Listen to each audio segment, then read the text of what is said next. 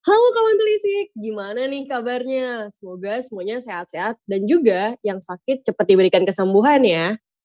Selamat datang kembali di podcast Siniar Ruang Telisik. Tahu linguistik? Pasti asik. Sebelumnya kenalin, gue Anissa. Dan gue Ferdi, kita berdua bakal nemenin kawan telisik di episode kali ini.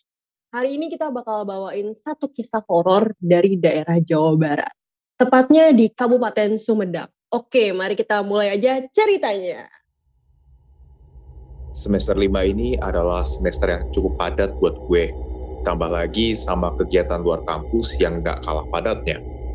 Pun kegiatan seminggu yang lalu, ada kegiatan praktikum yang memaksa gue untuk pulang lebih larut dari kampus. Berangkat dari kosan di dini hari, sampai malam itu daftar kegiatan gue terbilang masih panjang. Belum lagi motor gue lagi nggak mendukung jadi kegiatan hari ini dipenuhi dengan jalan kaki dan nebeng motor orang. Malam itu gue masih di kampus sama dua orang teman gue. Dan malam itu gue ngerasa ada sesuatu yang aneh. Mungkin ini karena gue kecapean juga. Gue dan dua teman gue akhirnya berhasil nyelesain kerjaan di kampus sekitar jam 10-an dan kita mutusin buat makan dulu di daerah sebelah kampus yang posisinya nggak jauh dari kosan gua. Kita makan dan ngobrol-ngobrol kurang lebih sampai jam setengah 12. Saat itu gue balik duluan karena mau ngerjain kerjaan lain di kosan. Saat itu gue balik sendiri dan jalan kaki tentunya.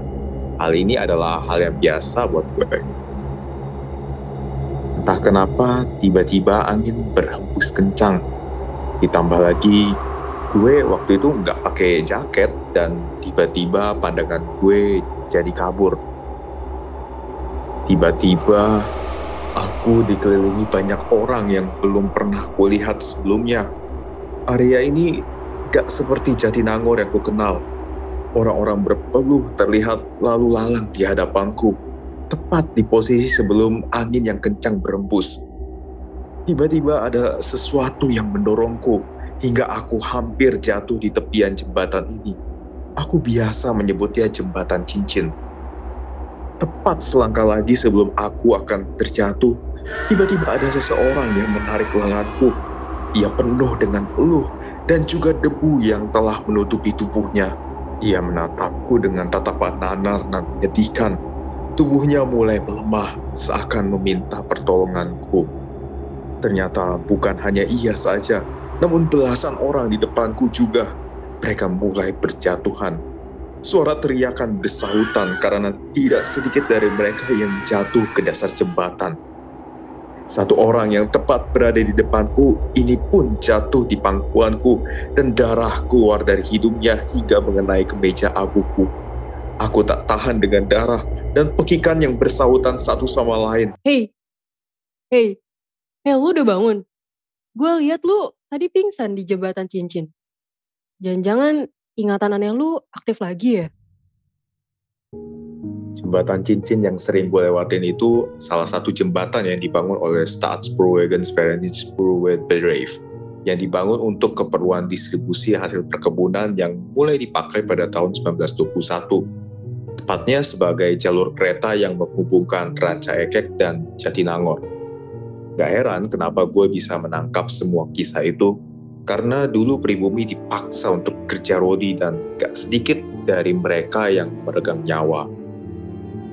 Gimana nih kawan telisik ceritanya? Area jembatan cincin ini dikelilingi kampus-kampus dan juga apartemen. Jadi mobilitasnya juga lebih tinggi.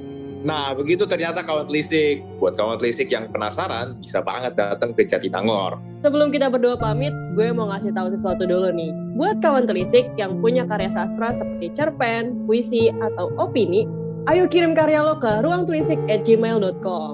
Untuk karya yang kita pilih nantinya, bakalan kita siarin di podcast siniar Ruang Telisik ini loh. Keren banget gak tuh karya lo bisa dipublis di podcast ini? Makanya buat kawan telisik ditunggu ya buat karya-karya hebatnya. Oke deh, sekian dulu untuk kali ini.